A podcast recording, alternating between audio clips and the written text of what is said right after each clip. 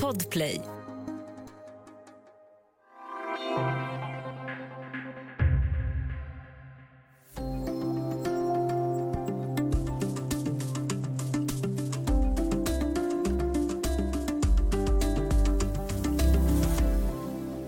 Texas nya abortlag och att USAs högsta domstol under hösten prövar rätten till abort väcker stor debatt på flera nivåer i det amerikanska samhället.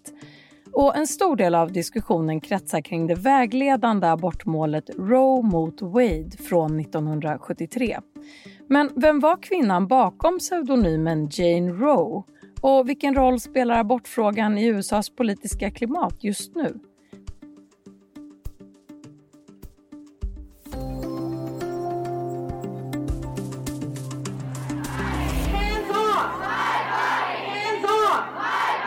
can't go back. This, this issue was decided by the Supreme Court in 1973.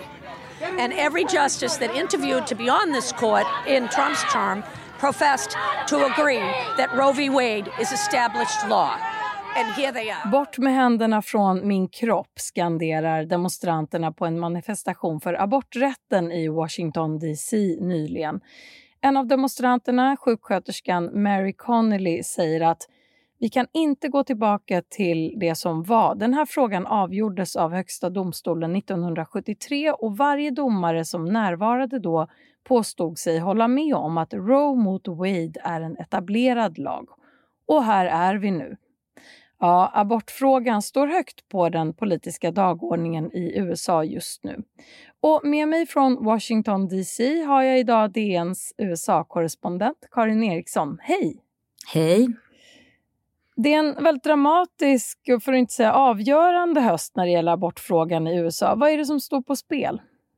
Nej men det är ju huruvida den, den eh, dom som kom för nästan 50 år sedan i Roe mot Wade ska gälla och om alla kvinnor i USA ska, ska ha rätt till abort fram till ungefär att, att, att eh, så, så, länge som fostret kan, tills det är så att fostret kan leva utanför livmodern.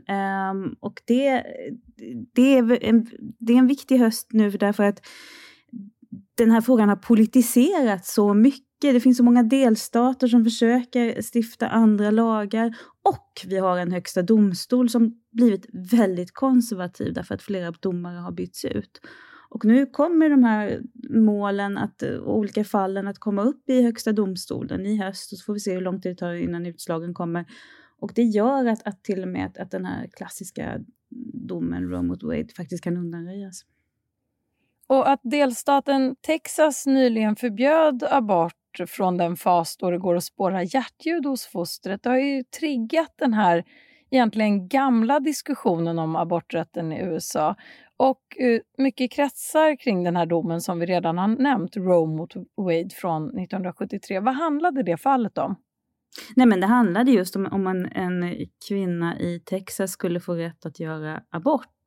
Och då kom eh, Högsta domstolen fram till att ja, eh, det, hennes eh, rätt, kvinnors rätt till abort är i enlighet med konstitutionen. Det är ju alltid det de sitter och prövar, om det här gäller för USAs konstitution. Man, man, och den, det man hängde upp det på då var att säga att det, det, är en del av rätten till privatliv som alla amerikaner har. Eh, den här rätten till privatliv den finns kanske inte uttalad i, i grundlagen men den finns där i flera formuleringar som, som, som mer eller mindre säger att man har rätt till privatliv. Det vill säga man har rätt att välja själv och det är därför här i USA talar man ju väldigt sällan om, om pro-abortion eller against abortion. Man säger ju att man är pro-life för livet eller pro-choice för rätten att välja. För det är så mycket rätten att välja, rätten att detta är mitt eget beslut. Hur används Roe mot Wade-domen i och inom juridiken idag? Nej, men den är ju, det, är ju, det är ju målet som allting ska prövas mot. Kan delstater införa eh, lagar som kraftigt sänker tidsgränsen för abort utan att, att då, utan att det kommer i strid med den här domen som då är, som, som vi hörde den här sjuksköterskan Mary Connolly säga, att den är den är en del av lagen idag.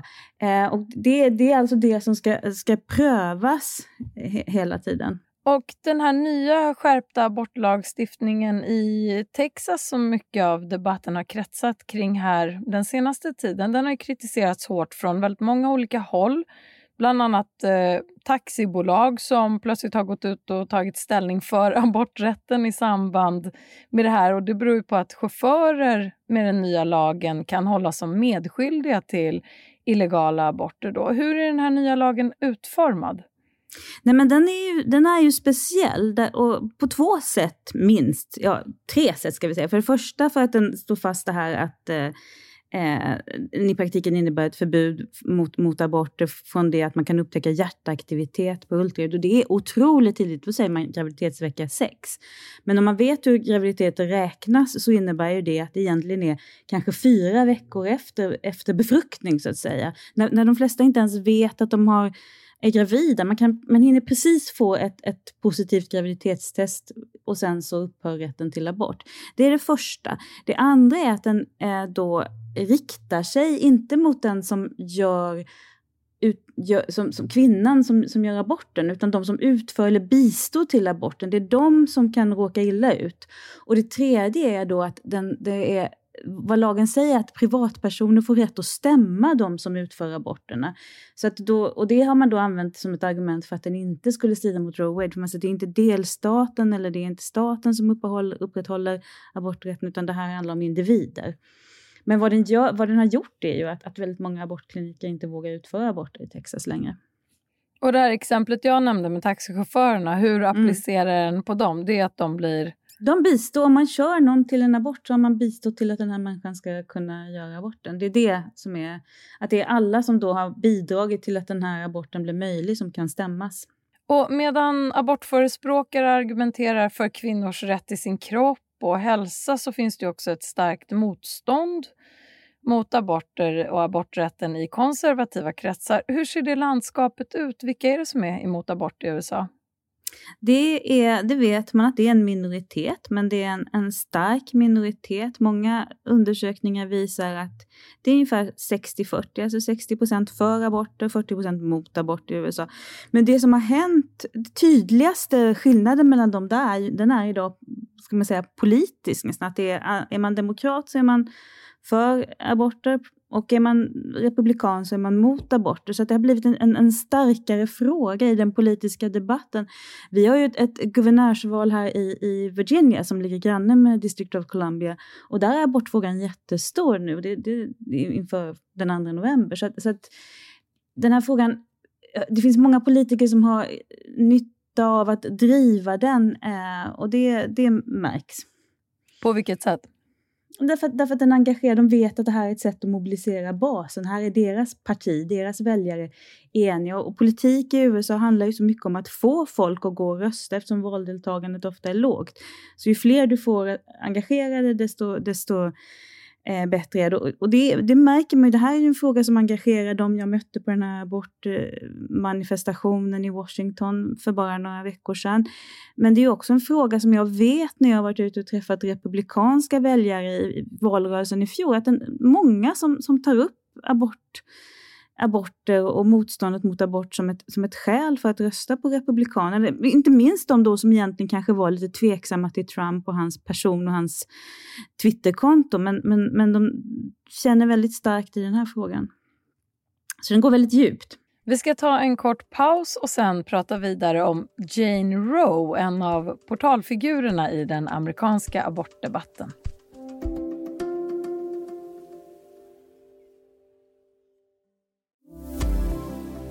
Du lyssnar på Studio DN och vi pratar idag om debatten och juridiken kring aborträtten i USA.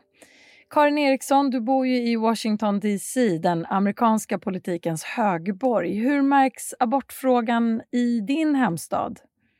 Ja, det är ju politikens eh, högborg. Det är ju också juridikens högborg eftersom Högsta domstolen ligger här. Så det gör att under alla år så har ju människor samlats här i Washington för att demonstrera och manifestera eh, vad de tycker i, i abortfrågan. Så, så den märks tydligt här. Nu var det en kvinnomarsch i, i början av oktober med flera tusen eh, kvinnor och män ska jag säga som, som manifesterade sitt stöd för, för rätten att välja. Och när du besöker andra delar av landet, hur märks skillnaden i inställning till just abort? Du var lite inne på det här före pausen. Nej men som sagt det här är ju en, en fråga som, som växlar med, med, med, är du i en starkt republikansk delstat så kommer du att möta fler eh, eh människor som är emot aborter. Och eh, som sagt det är också en, en fråga som jag upplever eh, bidrar till stödet för Republikanerna även bland de som då inte är så tokiga i till exempel Donald Trump. En portalfigur i abortdiskussionen är pseudonymen Jane Roe som alltså är ett namn till den här viktiga domen Roe mot Wade som vi pratade om tidigare. Jane Roe hette egentligen Norma McCorway och jag undrar, kan du berätta lite vem hon var? Var en fattig kvinna från södra USA, Louisiana och framförallt Texas som hon tillbringade större delen av sitt liv i. Hon var diversearbetare, bartender, städerska eh, och eh, hon, blev, hon, hon fick två barn väldigt, väldigt tidigt. Först när hon var tonåring eh, och sen när hon var 22 så blev hon gravid för tredje gången och då ville hon inte fullfölja den graviditeten. Och vad hände då? Hur kom hon att bli den här portalfiguren som jag kallar den i abortdiskussionen? Alltså det var faktiskt så att den, den advokat som hade hjälpt henne att adoptera bort eh, ett tidigare barn, eh, för att hon, alla hennes barn lämnades bort, han satte henne i kontakt med några unga jurister som verkligen ville driva, göra ett, ett fall av abortfrågan. Och då blev Norma McCorvey deras Jane Roe, eh, den, det fall de, de behövde ju en, en, hon var verkligen inte det perfekta rättsfallet, men hon var viktig så tillvida att hon, var för, hon hade för små resurser för att kunna göra det som rika kvinnor i Texas gjorde, nämligen åka till Mexiko eller till någon liberal delstat där de kunde få aborter. Så hon var ett fall de kunde driva. Men det faktum att hon också blev ett rättsfall gjorde ju att, att eh, hon, hon, de, de valde det, att använda den som fall, snarare än att hjälpa henne att få en, en abort. Och hon blev väldigt känd för det här eh, och har uppmärksammats mycket i media genom åren. Hon gick ju bort 2017. Men under sitt liv så bytte hon vid ett par tillfällen fot i abortfrågan. Hur då?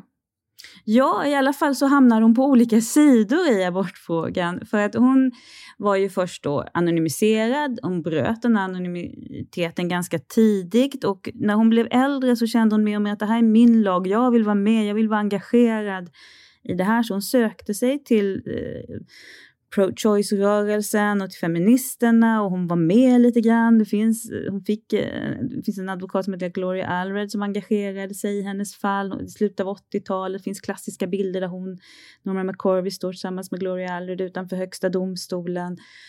Men det var många, som var i, i, många feminister som var ganska skeptiska till Norma McCorvey. Hon passade inte riktigt in där. De uppfattade henne också som inte särskilt pålitlig. Hon hade i intervjuer sagt att den här graviditeten som hon ville avbryta var ett resultat av en våldtäkt och sen så erkände hon att det inte var sant. Det där spelar ingen som helst roll för rättsfallet, men det blev ju ändå, det användes ju ändå i propagandan mot henne. Så att hon fick inte riktigt vara med. Och sen, alltså i mitten på 90-talet, då jobbade hon på en abortklinik. Hon satt och svarade i telefon. Och då fanns det, det var ju när, när abort, anti-abortrörelsen började bli mer militant och då fanns det den här rörelsen som heter Operation Rescue och då listigt så skaffade de en lokal i grannhuset och därifrån började de sen ta kontakt med eh, Norma McCorvey och fick kontakt med henne. Och då 1995 så kom nyheten som, som, som en bomb att Norma McCorvey hade låtit sig vuxendöpas och hon var nu en del av Operation Rescue. Hon skulle nu argumentera mot aborterna. Och på den sidan fanns hon då eh, och många uppfattar att hon fanns där fram till sin, sin död 2017. Men sen för något år sedan så kom det en dokumentär där hon, hon medverkar fram till dödsbänden och där säger hon att Nej, men de betalade mig och så sa jag vad, jag vad de ville att jag skulle säga och det var teater. Men jag är ju en bra skådespelare. Eh, det vill säga att det här inte hade varit, den här omvändelsen inte hade varit riktigt på riktigt. Och det, det där har ju sen då blivit jätteomdiskuterat. Vad det är sanningen? Vilket är sanningen om Norman McCorvey? Det, det kan man fördjupa sig väldigt mycket i. Ja, du har också intervjuat eh, pastor Rob Schenk vars församling då lyckades locka till sig Norma McCorvey på ett sätt eller annat. Och så här sa han om att Norma anslöt sig till dem. I think I was moved that mm. she would, you know, join on our side, but we would treat her like a trophy. Han säger här att eh, jag var rörd över att hon ville komma över till vår sida men vi behandlade henne som en trofé, säger Rob Schenk då. Något självkritiskt kan man ju tänka sig. Mycket självkritiskt, mycket självkritiskt. Ja, alltså han, han är ju idag, säger han, mycket ångerfull över hur de behandlar Norman McCorvey. Att hon blev det här priset för dem. Hon var trofén de kunde visa upp. Titta hon, hon som är centrum för det här, hon säger nu att, att aborter är fel. Och han tycker att vad han visste då var ju att hon var väldigt ambivalent och hon hade många tvivel. Hon behövde prata om och han, han är djupt ångerfull att de istället för att Istället för att skicka fram henne och tysta henne när hon uttryckte eh, hur kluven hon var i synen på aborter så, så valde man att, att Eh, tysta ner henne och eh, regissera henne. Han tycker att de skulle ha pratat med henne, lyssnat på henne och sen möjligen också haft ett offentligt samtal med henne, fått hennes perspektiv, tagit in hennes smärta, hennes lidande. Eh, så han är djupt ångerfull till hur de behandlar henne. Han är också ångerfull till, till mycket av det som han gjorde under åren i de här mer eh, Eh, militanta antiabortrörelsen. Eh, och han, man kan säga att när Donald Trump omfamnades av eh, antiabortrörelsen, då, då valde Rob Schenck att tacka för sig, för det tyckte han var ett sånt ultimata hyckleriet. Och det här och mycket mer går att läsa i ett reportage du har skrivit i Dagens Nyheter som handlar om Roe mot Wade, om dagens abortdebatt och en ny bok också om Norma McCorvey och hennes barn, som det här fallet faktiskt handlar om, eh, som har kommit ut här. Varför fortsätter hennes livsöde att engagera? Ja, till exempel den här boken, eh, den, den idén hos författaren Joshua Prigg, den, den väcktes ju väldigt mycket just för att han insåg för ungefär, lite drygt tio år sedan att vänta, det är världens mest kända abortmål men det ledde faktiskt inte till någon abort. Det, fin, det finns ett barn här, en vuxen kvinna som som är Baby Roe, eller The Roe Baby. Eh, och han bestämmer sig för att söka upp henne och hitta henne så småningom. Eh, och hon har nu också i höst trätt fram och berättat vem hon är. Och det som är slående med hennes berättelse är ju hur det här varit en enorm börda för henne från att hon när hon var 19 fick veta vem hennes biologiska mamma var och förstå att hon hade en koppling till det här väldigt kända målet och hur hon sedan under hela sitt liv har värjt sig för att bli någons trofé i det här kriget. Och hon uppfattade ganska starkt att hennes biologiska mamma, att Norma McCorvey sökte kontakt men att, det, att, att Norma hela tiden ville göra det här för att tjäna pengar och få uppmärksamhet och att det inte fanns något äkta intresse. Så de träffades aldrig. Och eh, Shelley Lynn Thornton, som den här kvinnan heter, är fortfarande, har liksom, nu har hon berättat att det här ska inte längre vara en hemlighet, men jag har inte med det här fallet att göra. Jag tänker inte låta mig bli ett, ett, ett medel i den här striden. Så det är ju en...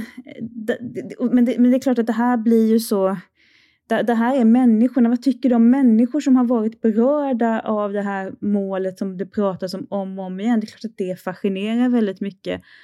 Och då kan man ju se eh, författaren till boken, han, han, han är ganska säker på vad Norma McCorvey egentligen tyckte och att hon egentligen tyckte samma sak även om hon bytte sida, nämligen att aborter skulle vara tillåtna under det som man kallar första trimestern, alltså de första kanske 12 veckorna och sen så inte mer. Det var, hennes, det, det, var det hon hade landat i och det var det hon egentligen tyckte på sin dödsbädd också. Um, men framför allt så kan man väl säga, tycker jag när man, man läser om henne och läs, ser dokumentären och så, att hon, hon blir ju ändå en symbol på något sätt för, för, för den här för argumentet att hon hade rätt att välja själv, att hon var sitt eget liv, rätten att bestämma själv vad hon tyckte. Och jag tycker nog att hennes dotter, eller hennes döttrar, ger uttryck för, de, alla tre, de finns alla i medierna idag, ger uttryck för samma sak. Det här är dem, det är deras privatliv. Om man ska gå tillbaka till vad den här domen säger. Om vi zoomar ut lite då, vad händer i abortfrågan i USA just nu vad, och här i, i närtid? Ja, alltså den första frågan är ju då, gäller den här lagen i Texas? Och det, är, det, kan man då, det, det varierar från dag till dag. Um, Eh, justitiedepartementet i USA uppmanade domstol i Texas att granska den och en domstol stoppade lagen. Eh, och sen så kom en, en, en, högre instans och sa att nej, den ska gälla. Högsta domstolen har faktiskt yttrat sig om lagen i Texas, men det är bara att de har inte granskat den på djupet. De har sagt att den kan tillämpas, men också för att det är tekniskt komplicerat. De har, har då sagt att de har egentligen inte tagit ställning i själva grundfrågan om den strider mot Roe mot Wade. Men de ska också senare i höst ta upp ett annat mål som gäller, en, äh, gäller Mississippis lagstiftning där man vill sänka tidsgränsen till 15 veckor.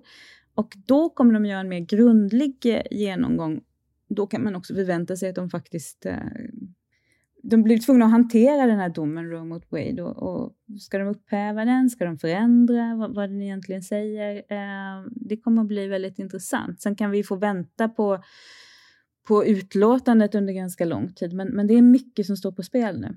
Och slutligen, vilken roll tror du att eh, abortfrågan kommer spela i det polariserade USA här framöver de närmsta åren? Nej, men det ser vi nu i Virginia till exempel, att det är en av de viktigaste frågorna i den debatten. Den kommer att finnas med i många debatter framgent. Den kommer att finnas med i mellanårsvalet nästa år också.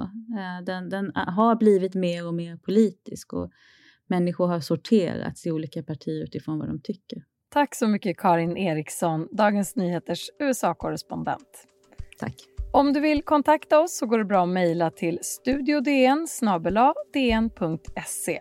Studio DN görs för Podplay av producent Sabina Marmulakai. Ljudtekniker Patrik Misenberger, teknik Jonas Lindskov på Bauer Media och jag heter Ylke Holago.